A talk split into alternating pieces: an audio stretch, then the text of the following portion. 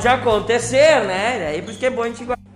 Alô, bom dia! Seja bem-vindo ao nosso podcast sobre as Olimpíadas. Estamos aqui com a grande ginasta Rafaela Menegali, né, do Brasil, né, que teve um grande resultado aí, vai falar para nós um pouquinho da sua, da, da sua experiência que ela teve nas Olimpíadas de Brisbane, na Austrália.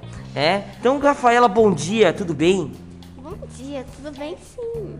O que você tem para falar para os nossos ouvintes do nosso podcast? Como é que foi essa experiência de estar nas Olimpíadas? Ai, foi muito boa, mas teve muita pressão na trave, assim, principalmente na trave, porque tem que ter uma certa quantidade de concentração, porque, meu Deus. E como é que foi enfrentar Simone Biles na última Olimpíada, que ela tava lá, né, e, e mais uma vez ela pipocou? Como é que foi isso?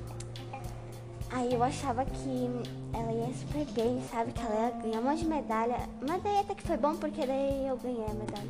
Muito bem, aí você conferiu nesse episódio de hoje, então, a nossa grande Rafaela Menegali, que esteve nas Olimpíadas de Brisbane. Para você que não sabe, Brisbane é na Austrália. Tá bom? Até o próximo episódio, tudo de bom e até mais.